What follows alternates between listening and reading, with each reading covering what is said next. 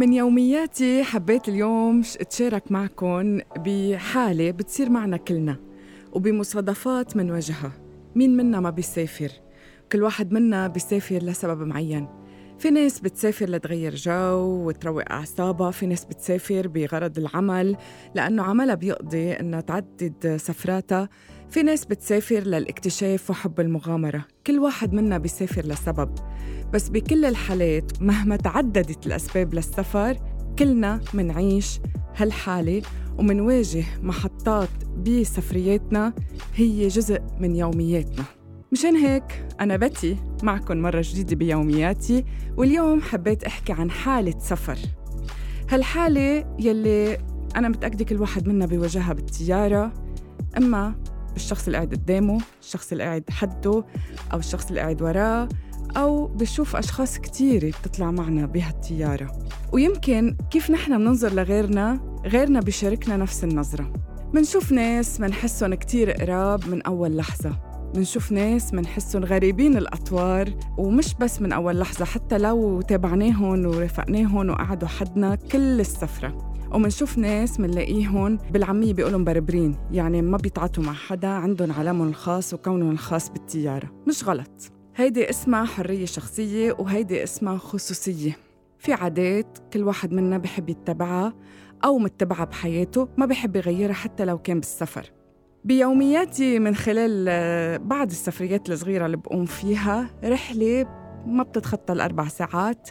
إذا ما نمت بالطيارة أكيد بلحق شوف كتير ناس.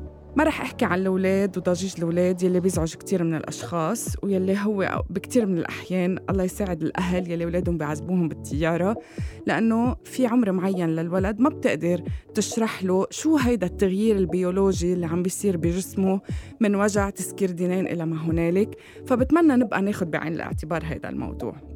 بس في ناس بيبقوا مفكرين إنه هن إذا حاجزين مقعد بالطيارة يعني هن حاجزين غرفة five star بواحد من أفخم الأوتيلات بس طاير بالجو بدل ما يكون على الأرض.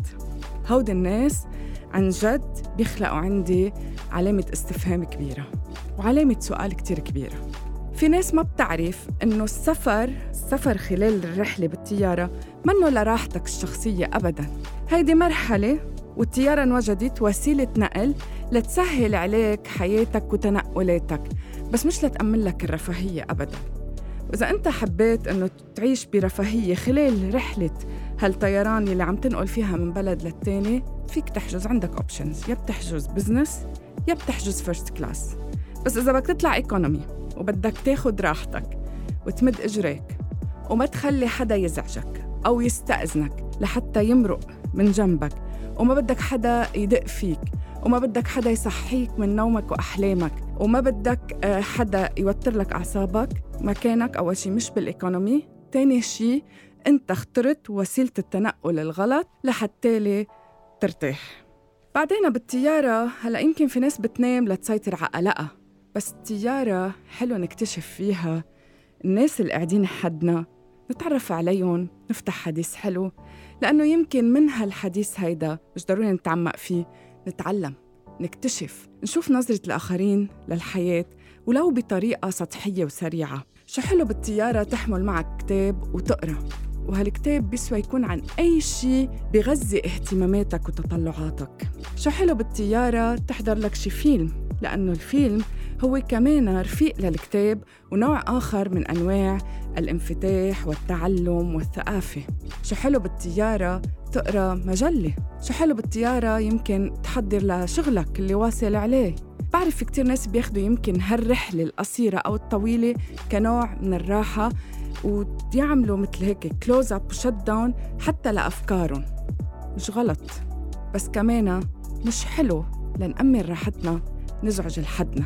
وين ما كنت تذكر كنت على علو 30 ألف ميل ولا كنت علو ألف ولا كنت طاير بالطيارة ولا بالسيارة ولا وين ما كنت بال train بالمترو وين ما كنت تذكر. حريتك بالتنقل وحريتك بالتصرف محدودة.